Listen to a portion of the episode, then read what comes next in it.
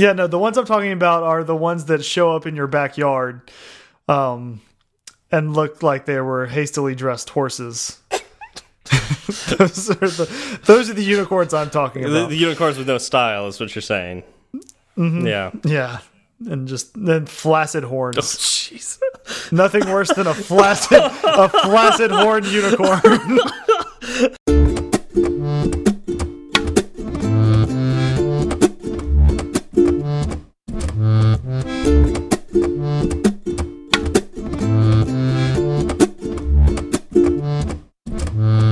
Hi, I'm Steve. and I'm Zach, and this is Fireside Swift.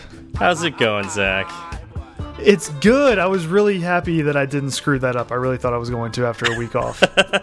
You did have a. There was a little bit of a gap there. I was a, a little worried myself, um, but no, not too bad. I was think I was just thinking, don't mess it up, don't mess it up, don't mess it up. So Oh man, um, yeah. So yeah, got back from Italy yesterday. Um, I'm very tired, so I wouldn't be surprised if I messed some of this this episode up quite, you know, at all.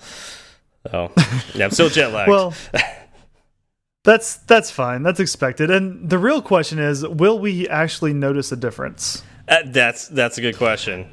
Um, And so it either means you're so on your game, like that, you know, you're you're just always keeping that bar high, or all of the other podcasts, you know, you you acted like you were jet lagged anyway. Yeah, yeah, we'll we'll see. I, I'm I'm leaning towards the latter, but uh, you know, I'm gonna I'm gonna try to be on my game. We'll just say that. Uh, speaking of being on our game, uh, today we are sponsored by Sentry uh, from Sentry IO. Um, Zach, do you write Yes. perfect code? I do not write perfect code. I know I do not write perfect code. My my apps will will crash when I write code and then I'm testing them in the simulator. So And I you know I fixed it, How how- but then it, it ships. Yeah, yeah, exactly. Like uh, we, you know, we all write code. We we try to write perfect code. Um, but Zach, like when you think you've written perfect code and you you know it crashes, how do you know that it crashed? Uh, usually I have to rely on some sort of crash reporting.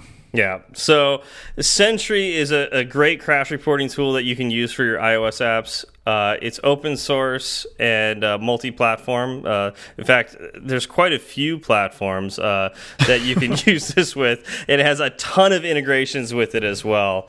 Um, also, if you're using this, if you're using Sentry with iOS, it has industry leading React Native crash uh, reporting tools, uh, which is interesting because with React Native, uh, some of the other crash reporting tools don't work quite as well. So, something to think about. Exactly. Exact, exactly. You know, there's a, a major crash reporting platform that's being sunset soon, and we're going to have to update our code bases anyway. Why don't we give Sentry a try? Yeah, give it a shot. Um, like I said, it's open source. So if you're curious about what happens with your data and how it's being used, uh, or your users' data as well, um, you could actually look at the code and see how Sentry is built. You could also contribute contribute to it as well. Um, so I think that's some really cool stuff that you could do there. And for listeners of Fireside Swift, we actually have a promo code that will get you $100 in credit if you have a new account. Uh, so you go to Sentry.io, the promo code is Fireside Swift, all one word. Uh, get yourself that $100 in credit. And I thank uh, Sentry for supporting Fireside Swift. All right. yes, thank you so much. So, follow up. What do we have to follow up after two weeks? I mean, uh, I'm just expecting a mountain of of things that uh, you know we need to talk about from uh, the last episode. Lay it on me, Zach. Uh, so here's the thing with the two week when, when we have that gap right in between episodes um maybe i i probably missed stuff like i know i missed stuff the, I, the one I know the I one piece of stuff. feedback I know I missed a ton because I barely had internet while I was out of country. that is no excuse Now, I, Um, I did go get a, a SIM card. Like that was one of the first things I did when I got to Rome. Is I, I got a SIM card for twenty euros, and I think I got eight gigs of data with that. Um, and I have no idea how much data I have left on that, you know, through that SIM card. Uh, but uh, yeah, so I did have some internet, well, but I I'm still behind on everything. All right, so you're ready for our our follow up. Yeah, so the mountain of follow up. Uh, yeah, it was uh, it was one piece of follow up that I, that I saw. I'm sure there's more. Um, Yariv said that the part where the watch attaches to the band is called a lug. I personally prefer my term gidget. I think Yeah. gidget sounds better Doohickey. um, than lug. Yeah. um, but yeah, that's that's our follow up. yeah, it's funny. I, I I did actually read this tweet, and I was like, oh yeah, lug. Yeah, forgot about that. So whatever. When yeah, Yeah, and, and so this that goes was- to the way in- we record our podcast is that you know we don't do second takes or anything like that. So Mm-hmm. yeah, if I can't think of the name of something, um, We just make one up and roll with it. yeah, Gidget. I'm good with Gidget. So it's forever called Gidget now. Indeed. So today's topic is uh, this is an optional topic, right? We don't actually have to do this. Well, I guess we don't have to do it. We have decided to do it. We have unwrapped it, and there was something there. So it's not nil. It is not nil. We actually have a topic for tonight. Oh, geez. I, I was hoping that this would be an easy night. Um, I mean, it's it's not. Uh, it's it is a revisit. It's our first rehash of a topic. no, it's not. No, it's not. Remember? Uh, hey, no, no, no. If they, if if our listeners haven't figured it out yet, we're not going to say. Oh, okay, it. so this is the first rehash then. This is the this is the official first rehash of a topic. All right. So to, today we are covering optionals again. So uh, for those of you who are um, either long time listeners, like really long time, because uh, this was over a year ago now. Our first episode we did optionals. So either you've been listening to us for a very long time. Or uh, you like to torture yourself and you went back and you listened to the first episode of the podcast, which was really poor audio quality. So, again, really sorry for that. I haven't gone back and remixed them. So, um, and this will probably save you that effort. And not not only was the audio quality different, like everything is like our whole production setup is different now, but that was only our second conversation ever. yeah, it was literally.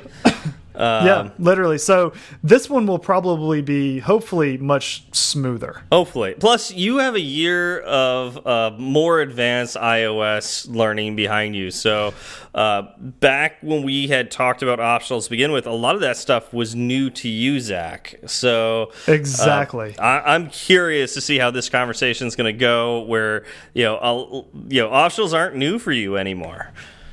No, I and I love guard statements, but we can get to that in a little bit. Yeah, we'll get to that in a little bit. Um, so we'll start with what are optionals. So an optional is a type, right? Like an int's a type, a string's a type. You have an optional type. Okay.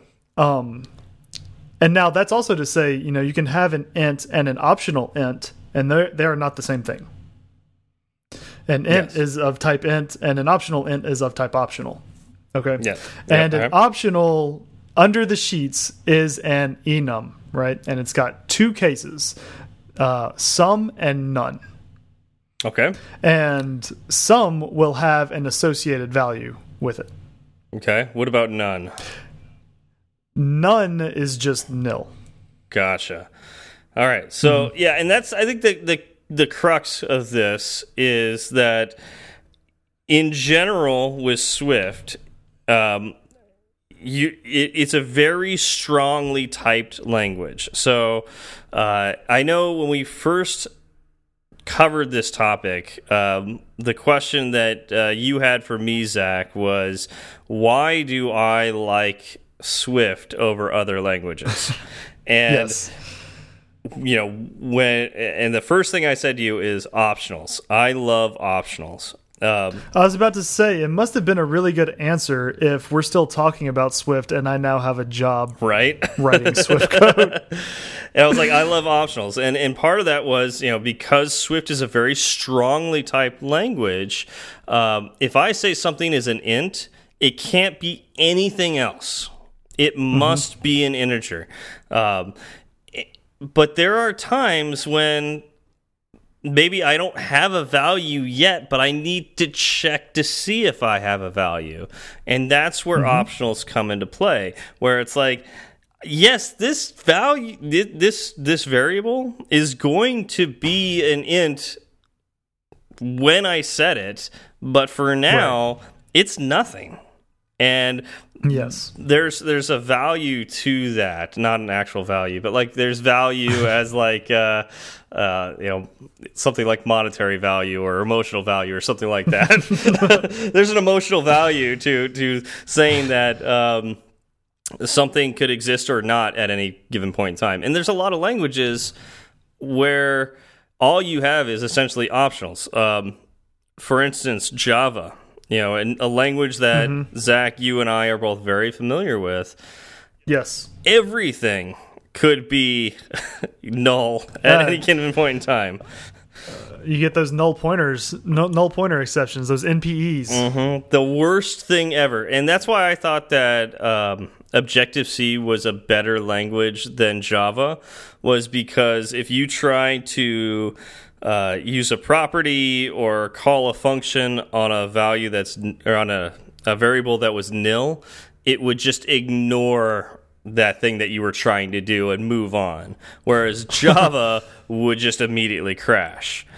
And Yes, and the other the other thing about Java is, you know, the compiler wouldn't check for you. no, it wouldn't.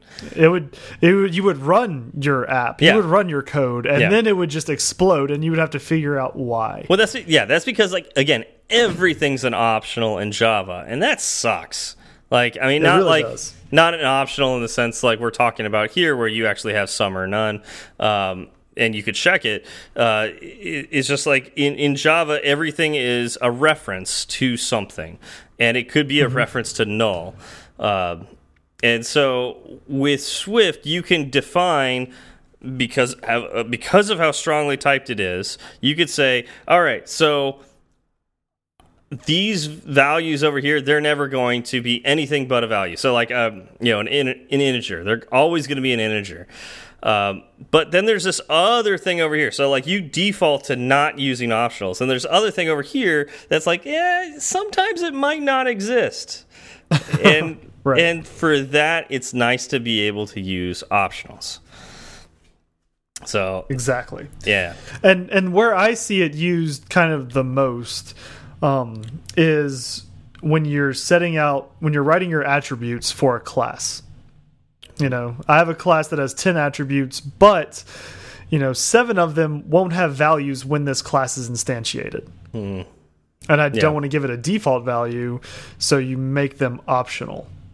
Well, you know, in another place I love seeing optionals is when I'm dealing with an API or yeah something from the internet, um, you know, network calls and whatnot. Uh, I don't. I personally have a hard time trusting APIs because Yes. it is sending data out to the unknown. You're getting unknown back. Like I don't control it. Somebody else wrote that API. I don't know what I'm going to get back. And Well, so and you you you hope you're getting unknown back. You might just get Right? nothing back. exactly. and so uh, that's where I think optionals shine, right? Because like you're getting back something that may or may not exist. It may or may not be in the way you want it to look. Um, you know, so you can use optionals there to help guide your data. Now, just the fact that it may or may not exist doesn't necessarily help you, but what we call unwrapping you know there's a whole bunch of uh, tools that you get to unwrap these optionals and this is why optionals are awesome in swift so yes, it helps you write sane code. yes you have to uh, make sure you are working with something before you actually try manipulating it or using it in a function somehow. Absolutely So yeah, so you have you have your optional.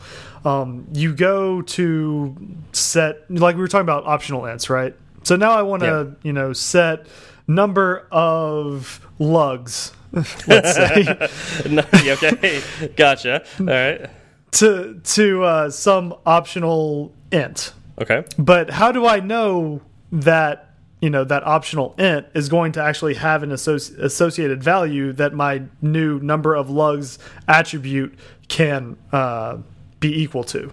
Well, the the way that I, would say the, the way people learn this to begin with is is uh, usually force unwrapping. Oh so, yes, the YOLO. Yeah, so we we call that on the show the YOLO operator, um, but that'll be your uh, exclamation point, um, and mm -hmm. uh, you'll actually see this most commonly uh, when you're dragging. Um, well, I guess this isn't when you're actually unwrapping, but uh, it, technically it is in a way. Uh, when you're dragging uh, properties over from uh, Storyboard or XIBs into mm -hmm. into your view controller or whatnot, um, you'll see that when Xcode creates a property, it will actually put the exclamation point at the end. Um, that's because that view that you're connecting to uh, you know to an outlet in your view controller. Um, it's optional. Like it may or may mm -hmm. not exist, at least at the time the view controller is created, because it hasn't created the view yet. And so when it does get created and ends up referencing it there at that um, at that variable, the property that you created, uh, it needs to either be unwrapped forcefully, or you could change that to a question mark. Uh, mm -hmm you could feel somewhat okay with the way Apple does it because in general it's not going to be a problem. But uh, yeah, that's I think that's where most beginners learn to unwrap optionals to begin with is by using that exclamation point, partially because Apple does it. Right, and it's it's also a very easy way to know when you've made a mistake, right? if you're if you're just learning to code. Oh, this is like the crash fast uh, mentality. Exactly. Yeah, and so it's it's good for you to learn. Oh, my app crashed. Then you research why it crashed, and you realize, oh, I used this exclamation point here when my optional didn't actually have a value. Plus, I, I, mean, I've seen this in a ton of tutorials. Now, I, I, feel like this is a little bit lazy programming on the tutorial point of view, uh, but I've seen yeah. a lot of, you know, tutorials written such that they're like, well, I just want to get the point across. You know, I'm going to do it. I'm going to forcefully unwrap it because it doesn't matter now. But if I was going to put it into my code, I would, you know, use something better. uh, so they just quickly do a force unwrap and go with it. Uh, Right. So I think a lot of people learn that way as well. It, that that's true, and it is sometimes it's okay, but it's still playing with fire. Um, the way I look at it is, yeah, you write that code today, and you know that um, you're going to have an optional int for your number of lugs attribute because you know you set it you set it in the yep. initializer. Yeah. What happens in six months or a year when something gets rewritten? Yep and yeah. now you're forced unwrapping it and you don't know anymore. At the time you wrote it, it was fine, but as you move forward through time, it becomes more and more dangerous. Well, we mentioned it before. I, I had a developer who worked with me who liked to, to force unwrap, and I was upset with him at first, but then he convinced me that, hey, look, there are times when if you don't have a value for something you don't have a default like literally like either we have a value for this this uh, you know this optional right now or we're going to misbehave like the pro the program is going to misbehave because we don't really have a default to, to handle right mm -hmm. now um, so i would rather the app crash right now get the crash report take a look at it and figure out what I did wrong to even get to a point where that doesn't have value because it should always have a value. Um, and, and, then fix it from there. Uh, that was his philosophy, and I could totally see that. Um, in general, though, I think you should avoid force unwrapping. You should provide some sort of default value. I'm I'm with you. yeah, I'm with you. Um, and so, you know, the for, you force unwrap with the exclamation point, and you brought it up earlier. You could change it to a question mark. Now, what happens when I go from exclamation point to question mark? Uh, so you're talking about just like in general with optionals? Um, yes. Well, so that yes, so the, I, the question mark signifies an optional, um, and so right. when you're setting the the property, you put the exclamation point there. Uh, so this is like when you are uh, for hmm, how do I say this? Uh, when you're in, uh, instantiating it and you're you're setting the uh, oh geez the type of the object of mm -hmm. the mm-hmm. variable uh, you're because mm -hmm. you're doing var, let's say var lugs and colon int, and you could put a question mark, right? And that makes it an optional yes. int. You could put an exclamation point. It's still an optional int, except now it's not going to help you with type checking. so, right. and that's what Apple does with those properties. It puts the exclamation point uh, instead of the question mark, and so now you don't get any type checking on whether those views are there or not. Uh, which, in general, they will be there. Like, I mean, Apple does the work on X with Xcode to uh, instantiate the view and connect it to your outlet properties. You know. Um, on initialization of the the view controller, um, mm -hmm. yeah, um, it's before View did load. Uh, let's see here.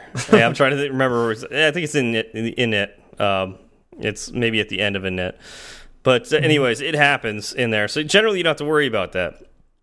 But have, right. Zach, have you ever had the issue where you've deleted a property in your view controller and then you run your code and then you go to that view controller and everything crashes? I have run into that, as a matter of fact. It's it's easy to do. Is you for you forgot that like there's an outlet in your um, in your storyboard that's not that you know that still references something in your view controller, and so that crashes. Or the other way around, mm -hmm. where you're using a you, you may have deleted a view in your storyboard and you're you've yep. got you know an outlet in your view controller that connects to that and that it'll crash when you try to access that because you don't get your you don't get all the uh, the type checking and uh, help that you get from uh, normal optionals if you had left at it if you actually had changed those to question marks right but that's where the fail fast philosophy kind of comes in handy because you can clean it up really quickly you can if you, but, yeah, it's it's gotten easier. It used to be more of a pain to read what you know View failed, and yeah. actually to this day, like if I delete a, a, an outlet or and it crashes, or more like if I delete a view in my storyboard and forget which view it was. you know that sometimes that can be really tricky to figure out which you know which one it mm -hmm. was and how to fix that. So Sure. Yeah. So now now I'm outside of uh, setting or you know I guess naming my my attributes and I'm actually in my code. Yep. And I change my my force unwrap bang YOLO operator uh, from the exclamation point to the question mark. I say you know lugs exclamation goes to lugs question mark. What does that do for me inside the code itself? or inside like a function. Well, okay, so if you if lugs isn't optional, right? Um, mm -hmm. in your you're, are you talking about optional chaining here? Is that what you're trying to? well, no, I was saying so.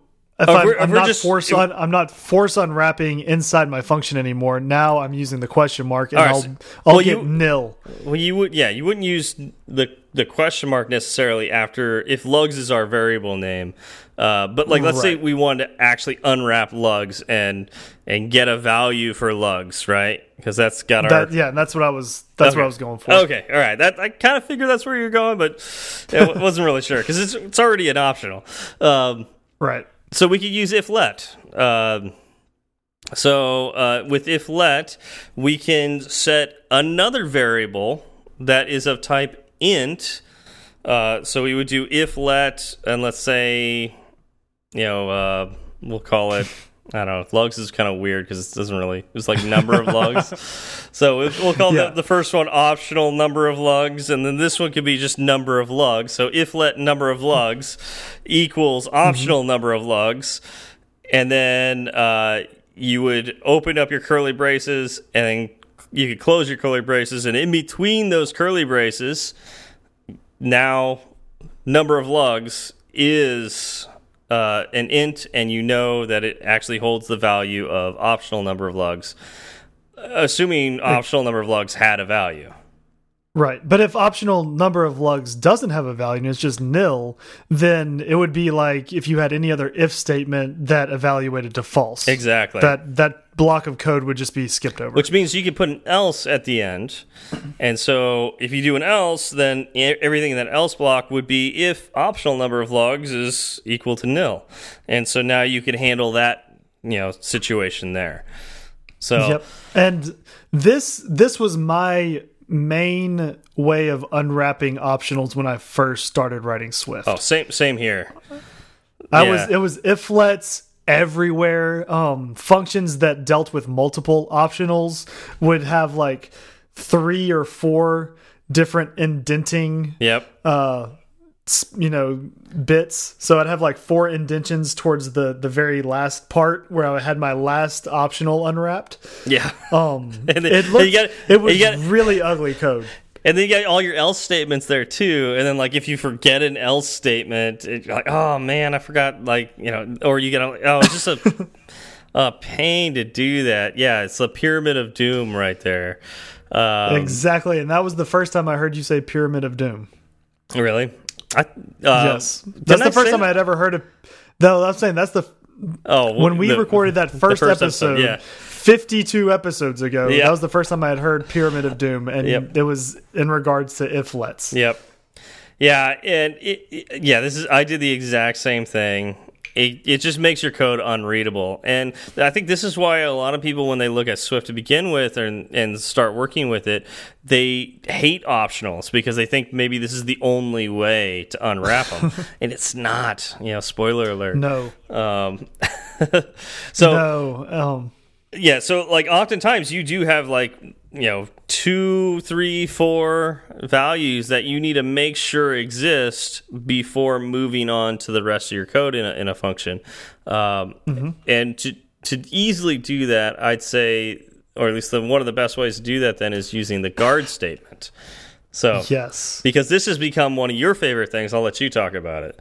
I absolutely love guard where before I had the pyramid of doom if lets uh, say you know four, I was unwrapping four optionals I had four different levels of indentation. Now I just have four guard statements or just one guard statement where I'm checking each one of those values. Um, and that's all I need. Yep. so a guard statement you'll say guard let number of lugs equal optional num optional number of lugs else open up your curly braces and then handle or you know write whatever code you want to have run if optional number of lugs is actually nil then return from that block. And then after the curly braces you just write the rest of your code and you can use number of lugs uh, safely in the rest of your function. So yeah, it's really nice because oh go ahead Oh, you don't necessarily have to return. You just have to exit scope. So uh, you can use guard statements within for loops, and you know instead of returning, mm. you could break or uh, sorry, not break. Uh, you could continue. Actually, you could do either. You could break or continue.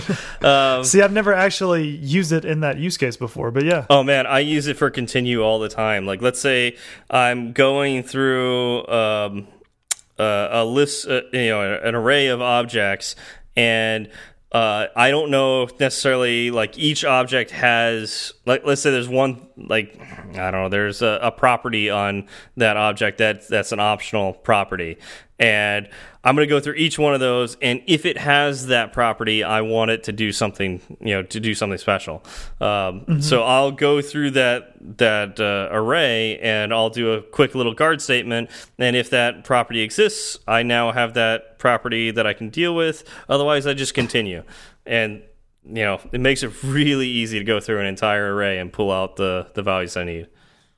Mm. Yeah, no, I, I can see that for sure. Um, I didn't think it was possible for me to love guard statements anymore, but apparently I do.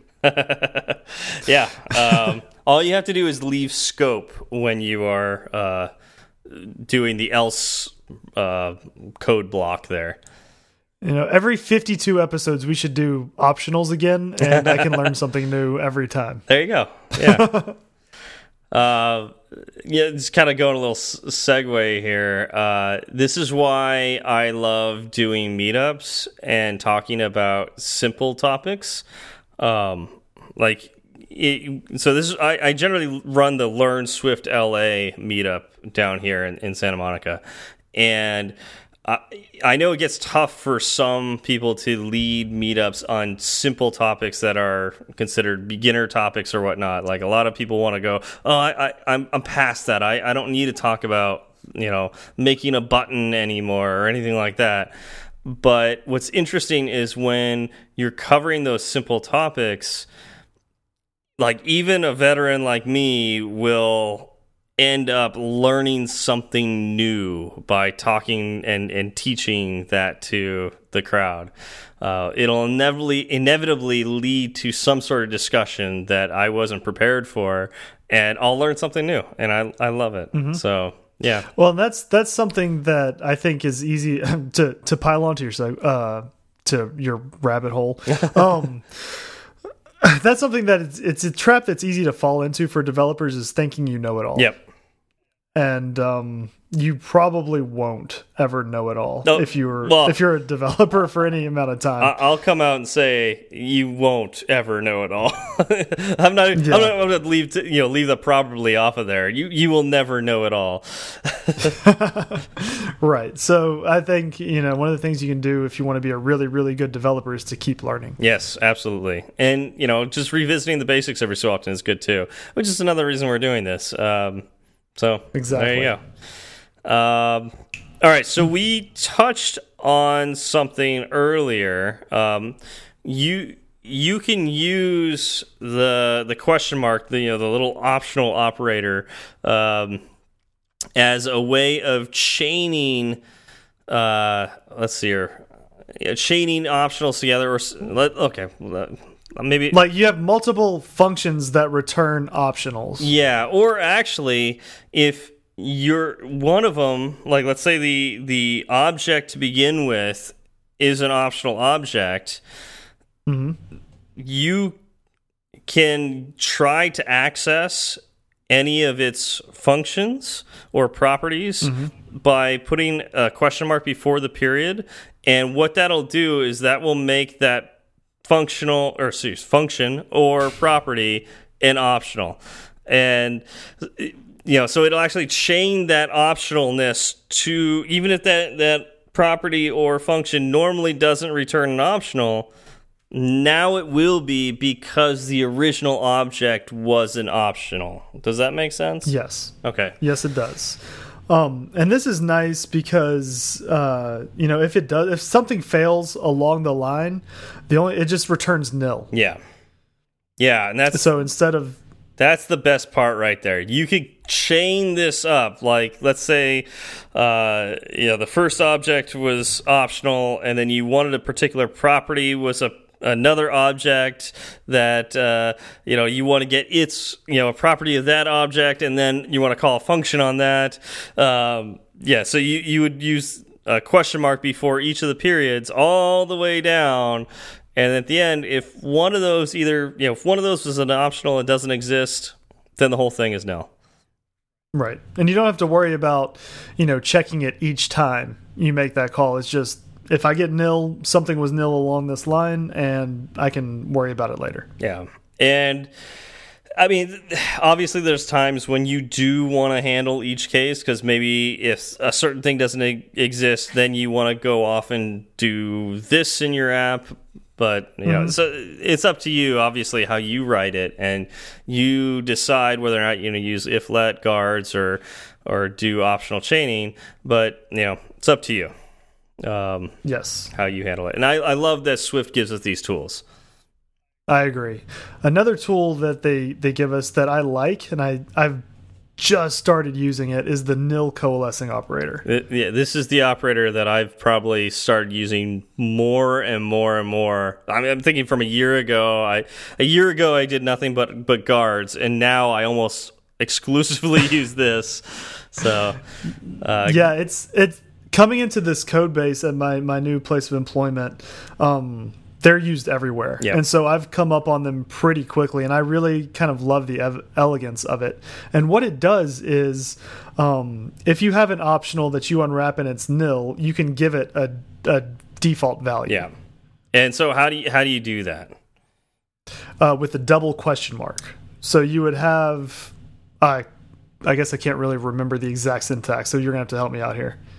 Yeah, so it's like let x equals, and remember we had the optional, what was it, optional number of lugs? Number of lugs. Yeah, so let x equals optional number of lugs. We know it's an optional, so, and we don't want x to be optional. We want it to be an actual value. So we want to provide a Mm, yeah. default for optional number of lugs. You would do let x equals optional number of lugs, and then put question mark, question mark, and then let's say zero. You know, so x will either be the number of lugs, know, you know, the value of optional number of lugs, or if it if it's nil, then it'll be zero. Exactly. So yeah, yeah, I, I use this all the time now. Um, mainly because there are times when you are forced to have an optional, but all you really care about is like, let's say it, it has a default value.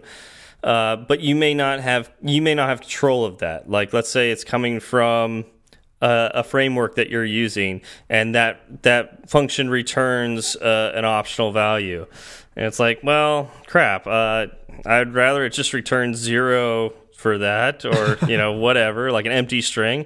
But it doesn't. It returns a, a, an optional. I'll go ahead and use the nil coalescing operator which I almost always forget what it's called, um, and just provide a default, you know, for that. Yep, it just gives you another place to to handle it. And you know, we've talked about if lets and guards and optional chaining and force unwrapping and now nil coalescing operator and the, it's just different flavors of handling the same thing. Yeah, And it's nice because I'll find myself uh still like in a place where I like using guards, but an if let actually makes more sense. yep, yeah. There's the, there's so- times when if let makes a lot more sense than a guard. So you actually, you know, Apple is giving us tools, and you get to use the best tool for the uh, instance you're in, Yep. Yeah, which is nice. yeah. Um, is there anything else uh, that we can cover on optionals, or we kind of? I'm I'm good for now. In another 52 episodes, I'll probably have something else. All right. So, yeah, I think that covers it. I can't think of too many other things to talk about with optionals. Um, they are one of the most basic and important things to learn in Swift. So, uh, you know, I'm I'm glad we're re uh, we're revisiting revisiting it. So, I agree, and they're they're a little exotic, or they were for me, um, coming from Java. It was Yeah. wait, I have this whole other type. How, and it kind of it messed with my head for a little bit. Um, but once you really learn them, or at least learn them, you know, a little bit, and kind of Yep. understand what they're doing, and you feel more comfortable, you can start tapping into the power of the optional, yeah. And what's and interesting? it'll really make your code. Uh, it'll make it cleaner. It'll be more readable, and in my mind, it's it's safer because again, we go back to having the null pointer exceptions from Java earlier. Um, you know, you can kind of still get that, I guess, if you try to force unwrap an optional. Yep. And there's nothing there, um, but you actually had to do that yourself. Yep. you were telling you were telling uh, the compiler, "Look, I know this is going to have a value," and you were just wrong. Uh, yeah. So this, uh, once you get used to optionals, you start hating languages that don't have optionals. uh, so back when I was learning Swift, uh, I would write, you know, my iOS apps in Swift, and then I'd have to write Android apps in Java. Uh, and I, man, I I just started hating Android more and more and more. and then Android finally fully accepted Kotlin as a uh, first party language for for Android, and now it's like it's really taken off in Android. And so if you're looking at a uh, you know looking for a way to learn both platforms, I highly highly recommend and this is if you're already familiar with Swift, I highly recommend learning Kotlin. And you've heard me talk about it before on the show, but the best thing about Kotlin is the fact that it has optionals. Um, and it, it, does. It has a lot of the same things uh, here. Uh, I could go into all the differences and all that, but um, you know, uh, the the main fact is that the things that you love about Swift when it comes to optionals, you have that as well in Kotlin, and so you gain that safety. You gain that that. Uh, ability to uh, charge ahead with, and know that your code is going to be fine behind you. Exactly. Um, it's one of my favorite features of the the language itself. There was a reason why it was our first topic to ever cover. Oh yeah. All right, so I think that's about it. Uh, mm -hmm. Zach, do we have any shout outs this week? We do. We have a five star review from, and I love the name because of the topic. It's Jeffrey Chang. There's a there's an exclamation point at so the end. So I guess he's got a YOLO at the end. Yeah, I guess Chang is optional. um, it could just be Jeffrey. Yeah. Um, and the the review, all it said was "Love your outro music." Yeah. So uh, so he's it's really so that's not for us then. Uh, that's for uh, good old Golden Pipes. Uh, oh, so yep. Mike, uh, you know, there's another person out there that loves your music. Uh, so thanks, yeah, thanks again, uh, Jeffrey, and uh, also Mike. You know, thanks for mm -hmm. making the outro music because yep. it it is that, awesome. That, that five star review is for you. Yep, yep. All right. Well, thanks to our sponsor this week, Sentry.io, and uh, thank you all for coming out. And uh, we'll see you next week. Y'all have a good one.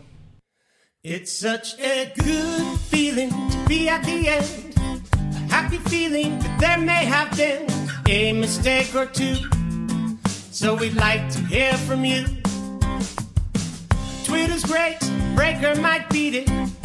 Email's fine, but we rarely read it. But we love five star reviews, and we promise to mention you. So get a pen and write this down. Just kidding, who's got pens around? Still, they'd love to hear from you. Steve Berard and Zach Falgout. Tweet at Zach and have some fun. At TFALG, OU21. At TFALG, OU21. He'll write back when his work is done. Tweet at Steve and you will see clever use of the emoji at SWB. E R A R D. Fireside Swift has its own handle. So you can burn three sides of the candle at fireside underscore swift. At fireside underscore swift. And if your message is a little too long, there's firesideswift at gmail.com and firesideswift.com. Firesideswift.com.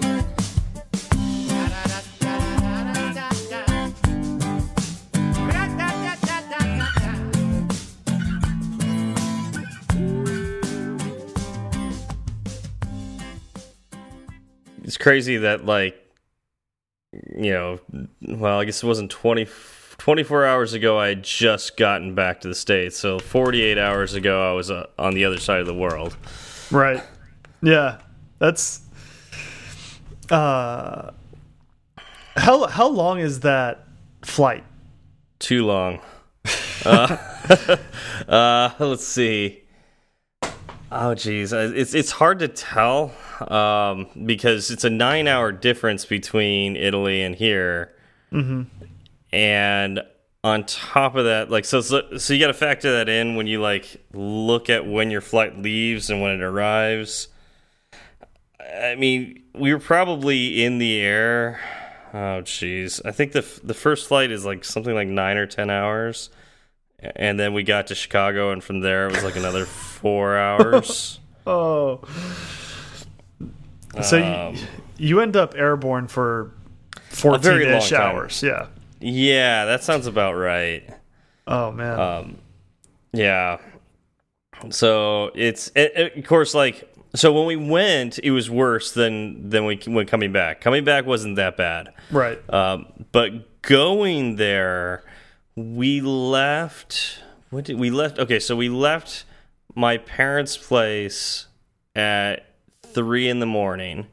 So I barely got any sleep that night because it was just like, you know, the anticipation and all that. And like, I usually go to sleep late anyways. So it's like I couldn't fall asleep till like one and woke up at three. So I got like no sleep.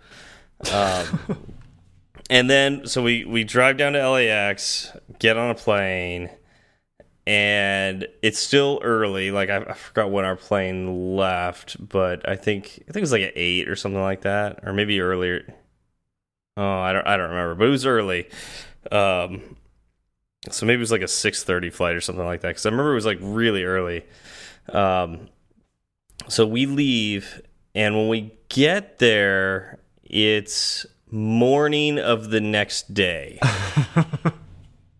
So it's like we and, and I remember I had barely gotten sleep the night before, so it's like I tried to sleep on the plane mm -hmm. at one point, um, but sleeping on a plane just stinks if you're not in like uh, first class. You, you know, can't recline right. all the way. Yeah, I've never been able to do it. It's not yeah. not comfortable.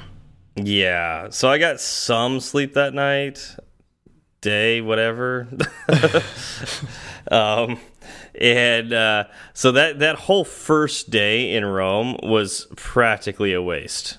You know, we we we got to the hotel and uh, got breakfast, um, which felt like it should have been dinner at this point because it's like we've been flying all day. Yeah, and you've um, been up for what felt like what like a day and a half, two days. We we found out that like we had been up for a, a full twenty four hours. Really, at least my mom was because she didn't right. sleep on the plane at all. So she had been up for a full twenty four hours. um, and um, oh, that was but that was in the evening though. So like, uh, but yeah. Anyways, we we get there, you know, have breakfast, and then we're we you know we, we kind of just like do the things that you need to do when you you get there like get get things set up and start looking into like what we wanted to do while we were there and like you know talking to the concierge and and all that. Uh, did a little bit of walking around but it was just we were so tired that it was just a waste of, it really was a waste of a day um, what well what did you end up doing? Like you said you walked around a little bit. Was that just like so you get you get there in the morning but you're dead tired. You yeah. don't really want to do anything but you're in rome and it's your first day there so you, right. you kind of want to get out and look around a little bit. Yeah. Uh, it's it's an interesting uh, mindset to be in. Like oh we're yeah. we're finally on vacation and all i want to do is sleep we finally uh -huh. got to where I wanted to be, where I've been looking forward to going, and yep. um, all I want to do is is lay down in bed and close my eyes. Yep, and you know, on on, top of all that, um, like, uh, oh, I was gonna say. This goes with me being tired right now.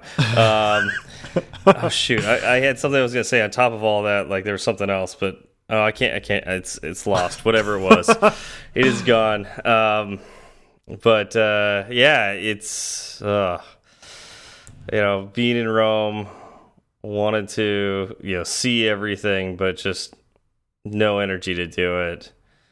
Um, well, did you plan for that?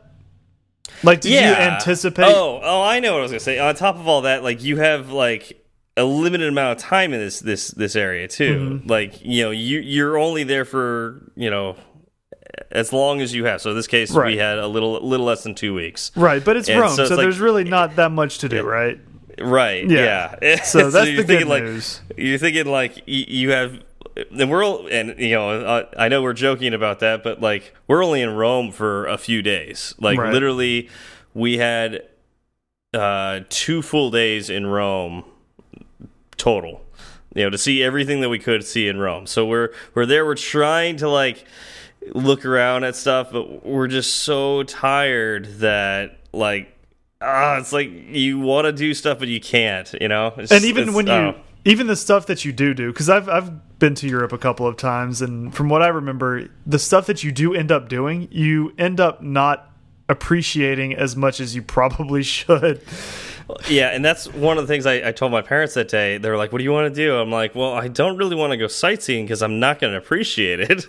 Right. Although we did do a little bit of sightseeing that day because right across from the hotel was, um, I want to say it was St. Mary's Bali- uh, Basilica, um, which is a, a basilica that was built into the, not the catacombs. Um, I almost, yeah, it's not the catacombs. It was built into the a Roman bathhouse. That's what it was.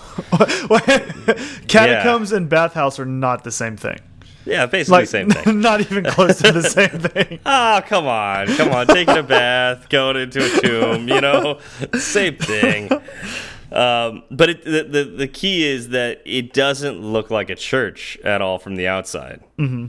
Like, it just, it looks like ruins, you know, um, like just, yeah, like a dilapidated brick building that's falling apart that, you know, looks like it was something back in the day, but it's nothing now. Right. But you go inside and it's just like, vaulted ceilings just like you know insane yeah like insane artwork and and statues and just you know marble inlaid floors and uh it's just yeah i insanely huge and insanely gorgeous um yeah just uh hard hard to believe. Yeah, you don't really Um, get that here in the states.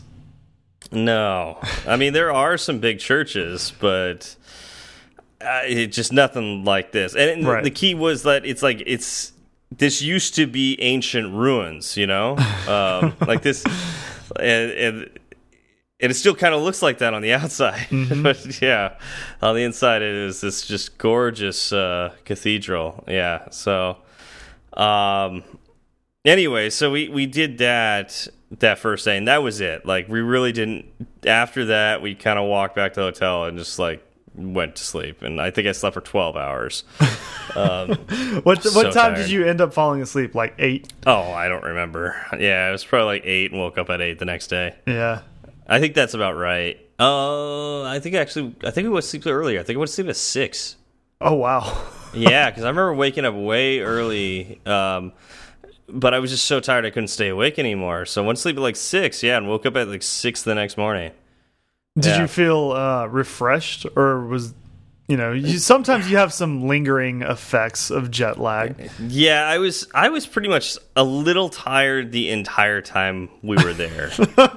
like, Of course. yeah, after a while you adjust and everything, but I think in general I was just a little tired like the entire way. That second day, uh, I was there was definitely more lingering. It, it definitely goes more away. You know the you know as you get used to the time you know time, but uh, ugh, yeah that that first day was the worst. The second day. I think I, I had a little bit of jet lag still, and then we actually started doing stuff. So that second day, we, uh, we went to the Vatican. Right. Um, so that's uh, there's a lot of walking involved in that. Saw uh, St. Peter's Basilica, uh, the Sistine Chapel, um, and then the the Vatican museums and stuff like that, which are just insane. Like it's it's it's too it's too much. You like like so that's the that's the thing. It's like you you want to see like like the Sistine Chapel like is is really neat, and you you want to see St. Peter's Basilica. Um, just you know for their historical significance and all that, Right. But you're just not aware of the amount of things they have in there. It's like they have so many like sculpture like uh, amazing sculptures and art, you know, pieces of art and you know paintings and things like that that you just you, you can't appreciate it after a point. Like it's just there's like you'll look at the ceiling the ceiling that you know that that you know there's all this art on the walls and all, you know everything but the ceiling's got so much priceless art on it that you're like oh well you know there's there's another ceiling with like you know priceless art on it you know that that echoes what uh, Paul Hudson said when he was on the podcast. Yeah. Do you remember? Yeah Because we, yeah were, we were kind of talking about this, and he goes, "Yeah, well, you know what it is. You, you walk a couple feet, and you see this, you know, old church full of beautiful things, and you walk a couple more feet, and you see another old church full of beautiful Yeah. things, and eventually you just kind of go, "Oh, yeah, there's there's another Gothic church." Well, but this is right like along. you, you you walk into a room and it's like like you'll see like a hundred marble statues that were all Roman or Greek or earlier, right?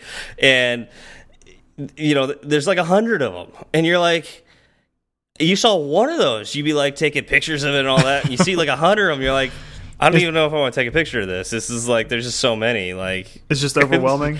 it's overwhelming um, to to the point where it just it's actually not enjoyable in a way. It's Yeah. like it's just I I wish it, it's almost like a non appreciation. It's like there's so much it's not appreciated. Like it's it's too much of it. Uh, I guess the the big the way I would explain it would be like if when I went to Florence, it seemed like while Florence has a lot of that as well, um, especially walking into the cathedral in Florence, it doesn't have the opulence that uh, the Vatican had, or um, uh, where was yeah, just like some of the other uh, you know churches that we went to. The one in Florence, oh, like Pisa. Pisa was also that was just like so much. um, but you go in the one in Florence, and it's like the church itself feels opulent because it's just this massive building, just massive marble building with a massive dome, um, and it's just from the outside, just in just just an ama- the building itself is an amazing piece of of art. Right. But you go you go inside, it feels like it's more tastefully done, mm-hmm. where it's not like the Sistine Chapel, which has like a million and one paintings by Michelangelo. Uh, which, seriously, like you go inside, you look up, and you're not. Unfortunately, I can't show you pictures of that because we weren't allowed to take pictures in the Sistine Chapel. Um, but you look up, and you know that that picture of God and Adam like touch, touching Yep. fingers.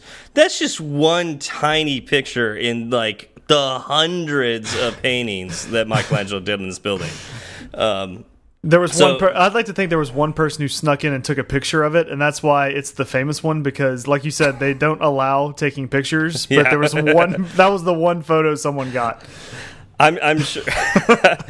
yeah, that's it. That's it. That's exactly why. I'm sure there are sanctioned photographers. No, no, that's the No, only picture. no, not it. at all. Yeah, No, it's the only one yeah. that exists.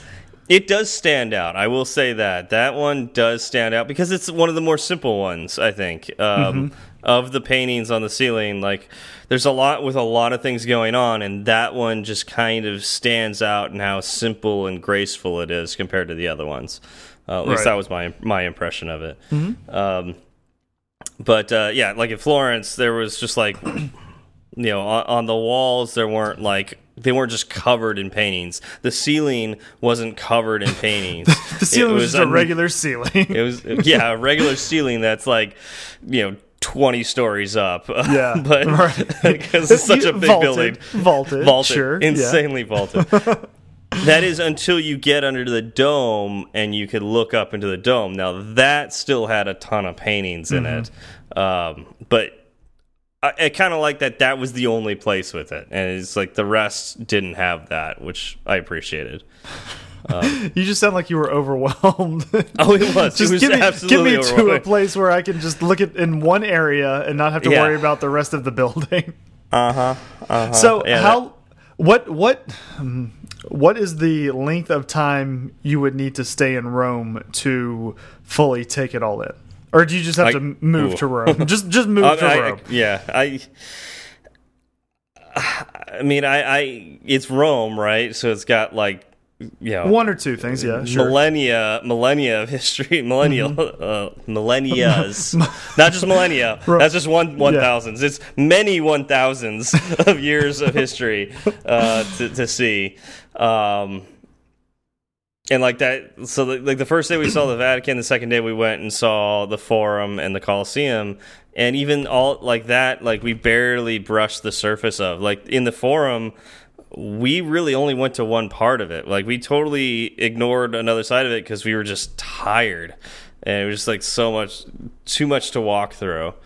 Um, we also didn't do tours. Like we didn't have tour guides or anything like that. So like I'm sure we missed out on a lot of the context of all this stuff because I'm not an expert in this kind of thing. We just we wanted to see as much as we could and you know tours get expensive after a while, um, and having a tour guide is expensive. So, Right.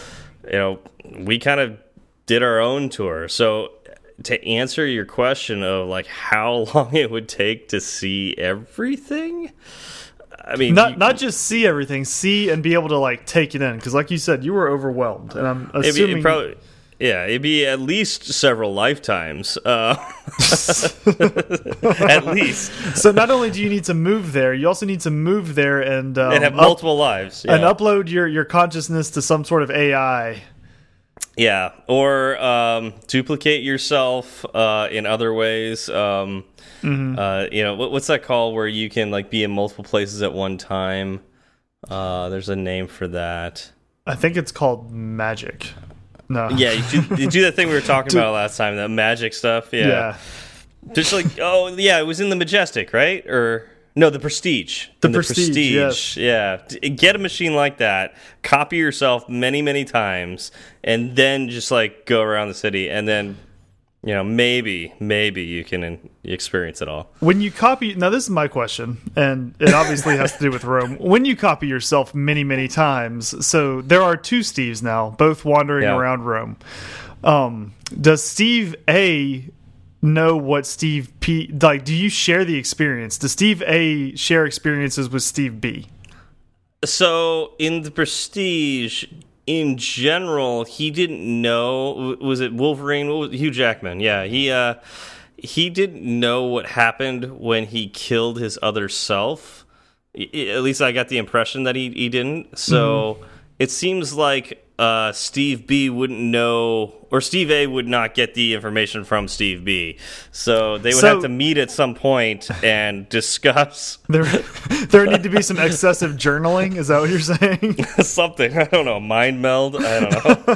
Vulcan mind meld. So there may be more than one flaw with this plan. Is, is what there's you're really there's a more saying. than yeah. There's a couple flaws. Okay. Um, let's see here. Uh, Rome.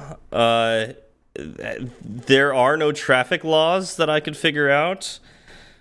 Um, I thought that was one of the most interesting things about Rome is that like oftentimes there weren't even lines on the street, and cars would make up lanes, um, and be in multiple lanes at one time or whatever. Like I mean, it was a little frightening to be on the roads in Rome. Uh, Well, it's like you said; they have millennia of experience. That cult Yeah. that cultural knowledge is just passed forward. past roads, yeah, Yeah, and so they they know how to handle themselves. yeah. They don't need they, Um, like with, they come to they come to America and they see the lines and they're like they they think they're dealing with kindergartners. maybe. Like we need Uh. more direction than they do. yeah. um, they would also, I would think, a Roman citizen would fit in really well in New York because the New Yorkers I know.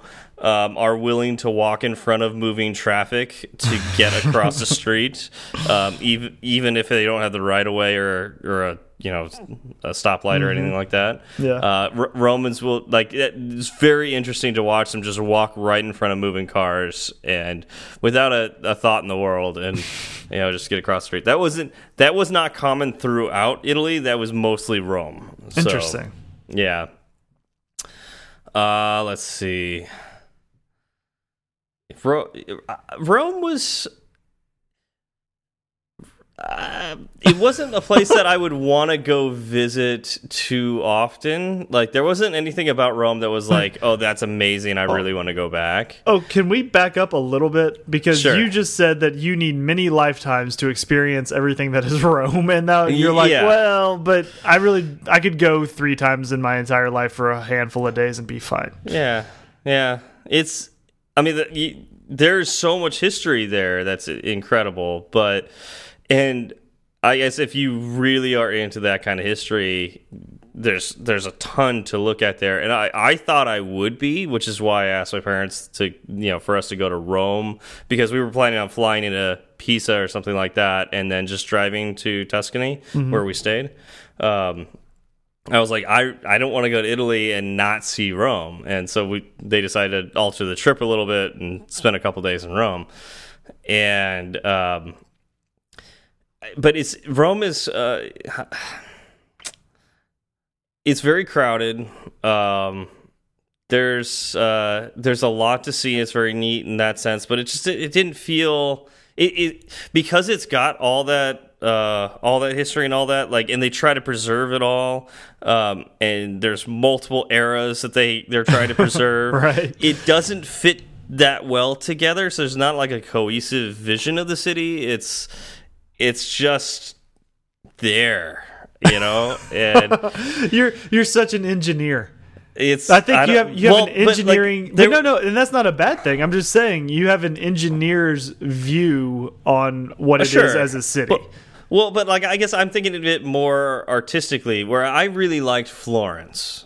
Uh, Florence uh, felt. I I don't know. It's just there. There's something about it. It felt more like home here. Um, I don't know why, but uh, it it did give me uh, like because it's a very artistic city. Um, there's uh, a lot of lot that's aesthetically pleasing about it, whereas Rome, it's not always aesthetically pleasing. Um, the uh, Medici family, which was incredibly influential in Florence, had their government buildings and their uh, their uh, oh their the, the uh, what's that called? The there was like this plaza that they they had uh, a lot of influence in in building up and and cre- you know have, that's where the the statue of David is and all that or at least where it was originally. Um, they eventually moved it to uh, this Academia building. But uh, I don't know it just it felt more cohesive I guess would be the word. Right. yeah. Uh Yeah, but whereas Rome, I don't know, it just felt kind of it felt more like New York, where it's just like everybody's trying to do their thing and, you know, you're in their way. Um Florence felt more like Venice or Santa Monica, where it was just like, ah, there's this really beautiful city around us, and uh, you know, we'll get to where we need to be when we need to be there. Right. Just a little more laid back. Yeah. Although all of Italy was more laid back than the most laid back uh, places in California that I, or, or even Hawaii. Like it was nothing happens fast in Italy. nothing at all. Everything's just super leisurely. Everything is insanely leisurely, uh, which I appreciate. I'm actually a very laid back human being, so man, I can only imagine somebody from uh, New York or uh, you know, just just like a very you know a person who just like really wants to get things done quickly or and all that would have a really hard time in Italy. Um, every, everywhere we were in in Italy was like that. Uh, generally, like. Um, you know, wh when you sit down to have a meal, uh, you have to specifically ask for your check. Bef you know, they won't ever give you your check uh, unless you ask for it, which is cool. That but, is uh, nice. It's that. That's basically the exact opposite of here. When you know you hit like a forty or forty-five minute mark, and you might just have that check Oh, dropped off at your table. because they want you to leave. Yeah, Exactly. Where whereas in Italy, like you know, for dinner, dinner starts around eight o'clock at night, and you're pretty much expected to stay for the entire you know until the restaurant closes. Um, Oh wow. yeah, they, that's just generally how it's done there, um, which is I was just interesting. And so it's like uh, you know, you sit down for lunch. You know, you may be done in uh, you know forty five minutes or something like that, but you won't get your check for another twenty five minutes or so. Not because you haven't asked. It's like you could ask. It's just still going to take like another fifteen minutes after you ask. So Yeah. we'll we'll get it. Well, don't worry. Just just Yeah. we'll get it to you. Just stay right there. Yeah, it's you know you sit down. It takes like 10, 15 minutes before they really get to you and and you know ask you what you want. And so it's like again everything goes like very uh, very slow. Um, which again I, I appreciate it, but like if you're antsy at all or you like you want a schedule to keep or something like that, uh, it can be stressful. I can imagine. Yeah, no, Yeah. my, my grandfather is uh he will chase down a waiter after about half an hour to get a check so everybody can leave. Like he's he's just kind of that way in restaurants, right? Like he There has. I have Yeah. seen him chase wait staff down into the kitchen to get a check. like he wants Yeah. to be gone. Um yeah, so that would be he, frowned upon. he wouldn't do very well there. Yeah, I think he would not do well. Um, let's see. So mo most of the time uh, we were in Italy, we were actually like it was hard for me to understand what this would be like. Uh, you know, uh, I've always heard that you want to take public transportation in Italy and you know other European countries, like mm -hmm. it's really really well done, and you don't want to have to bother with having a car. And my parents were like, "We need to get a car." I'm like, "Why?" well, it turns out uh, the place that we were staying in was uh, in a small town on the I'd say just outside of a, a, a also a small town called Peccioli. I'm mm -hmm. probably saying that wrong. Yeah, Peccioli, I think it is. Um, which you could it. see, sure. which yeah, which you could see off of the distance from our our room, but. Uh, this was a very small town, like just in the middle of nowhere in Tuscany. yeah. Um, we were about a half half an hour from Pisa, uh, 45 minutes to an hour from Florence, uh, also called Firenze. I'm probably mm -hmm. saying that wrong, but for, that's so like when you're looking at the the maps and all that, you're like, "Where's Florence? I don't see Florence on any of the maps in Italy because it's not called Florence." No, yeah, yeah. It's... We we call it Florence, uh, but uh, Italians call it Firenze. so I thought that was interesting. that took me a little while. Yeah. Um, but yeah, we were in the middle of nowhere town that you like you literally could only get to if you had a car. And then unless you are like on your honeymoon and you don't have anything you want to do because you know you're right. on your honeymoon, right? Um, you're there with your parents. You need to get out of that town in order to do something because there's nothing there. there's literally nothing there. Um, and so uh, we did some wine tasting. Uh, we we, we drove into Pisa one day. We drove into Florence uh, two of the days. Um, we uh, one of the days we went up to uh, Volterra and San Gimignano, um, which both of those have uh, a lot of uh, a lot of buildings from the medieval era. So San Gimignano is almost untouched from medieval times. Wow. So there's like castles and towers. There's like dozens of towers. Well, not dozens. I think there's like close to a dozen remaining towers um, still standing in San Gimignano. Wow. Um, yeah, it's it looks like I'll show you pictures later. Um, Please do. Yeah, but uh, just lots. Yeah, very very cool. In Volterra, um, we had lunch in this one restaurant where start at the top it's like this nice little italian restaurant but then you go down one level and then you're in medieval ruins and you go down another uh, another level and you're in roman ruins.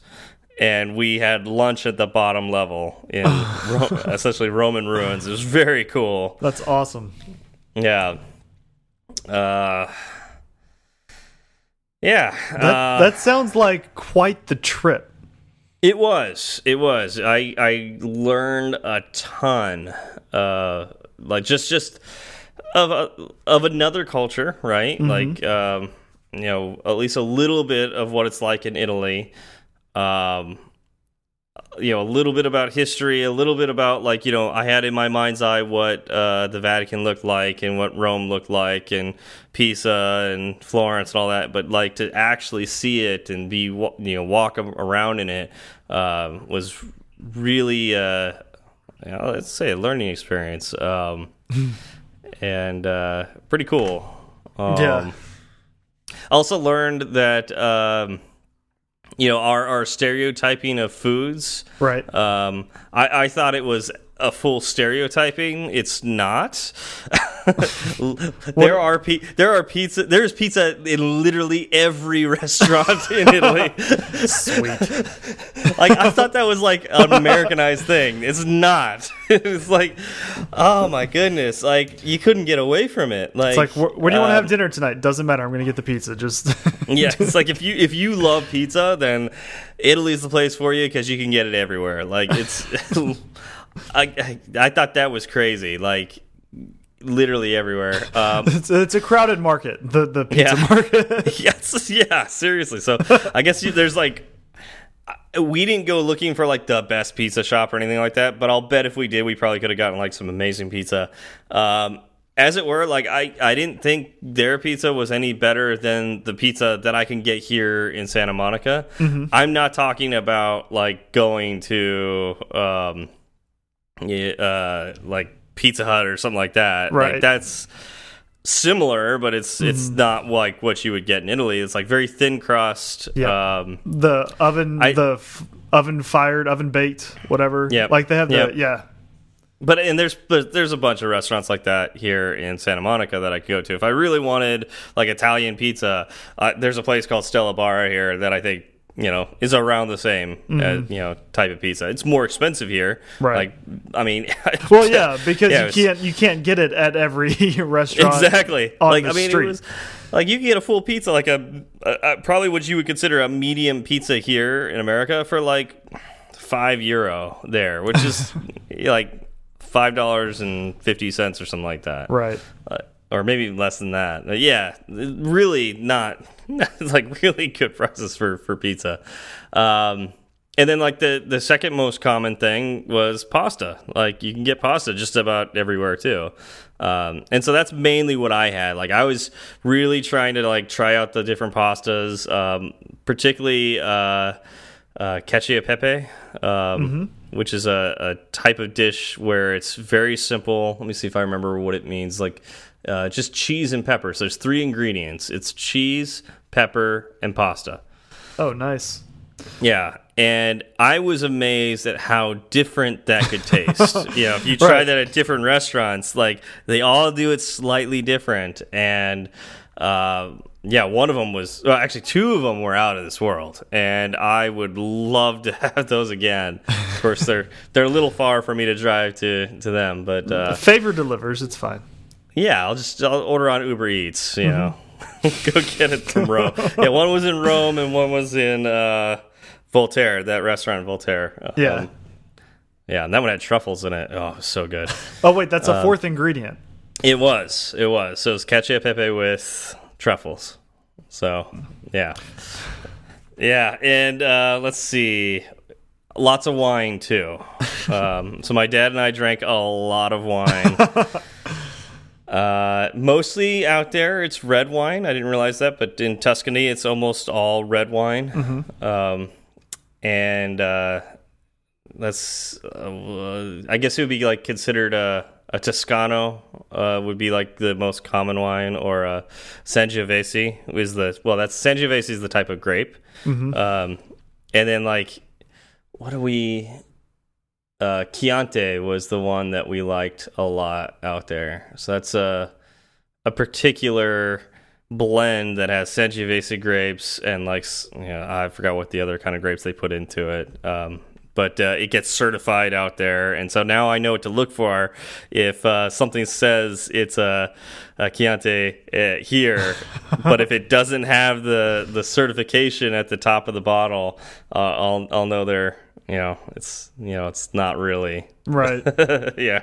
This is a lie. This bottle's a lie. Exactly, and you that was that actually happened in Italy too. It's like you you know there were bottles that didn't have it, you know, have the certification on it. And it's like, yeah, I wonder. It's, I mean, honestly, like it could be a fine wine. It could be just just you know great, but it's not. It hasn't been certified by you know the the people there in Italy who do it to like say that Right. yep, that is definitely a Chianti Right. um, because it costs more to do that. Like the one of the vineyards that we went to did wine tasting. Uh, the the owner uh, kind of got on a soapbox for a little bit and kind of complained about how annoying it was to get Oh, the no. little the little label on there says it's a, yeah to make it certified. Um, but you know it was kind of neat to see that. Um, and just like to, to understand like what it takes to to go through that. Uh, yeah. there- yeah, that it sounds like a fantastic vacation. It really like it sounds like you got a little bit of everything. Yeah, yeah, but it's good to be home too, right? Like Right. it's Welcome it was back. a blast. Thank you, thank you. Uh, yeah, it was it was a lot, um, and it was one of those vacations you kind of need a vacation from because I am just exhausted. Um, but you know that's uh, you got to do those sometimes, you know, right? To get a little Yeah. extra culture. Exactly. Exactly. You're you're probably well, maybe. I don't know. You might be a better person for it. I mean that I that, hope so- I that bar so. was pretty that bar was pretty low before you left. Exactly. Like So- it would be. I mean, unless I like killed a bunch of people while I was there, or or or by going there, it's made me want to kill people. Then, You turned a bathhouse into some catacombs. That's kind of weird. yeah. I mean, yeah, they're the same thing. You don't kill like you kill people in bathhouses, right? Like that's what they're there for. Uh, you might have been going to the wrong bathhouses. I think. Now, I don't have extensive knowledge of them, but from what I've heard from my contacts, From your uh, contacts yeah, in the bathhouse, in, the- in yeah. the bath, my bathhouse contacts, as I as everyone has, um, Yeah. that is not what happens there. or as we call in the biz, catacombs. Catacombs. One of us is wrong. One of us is is not completely understanding what we're talking about. Uh, yeah.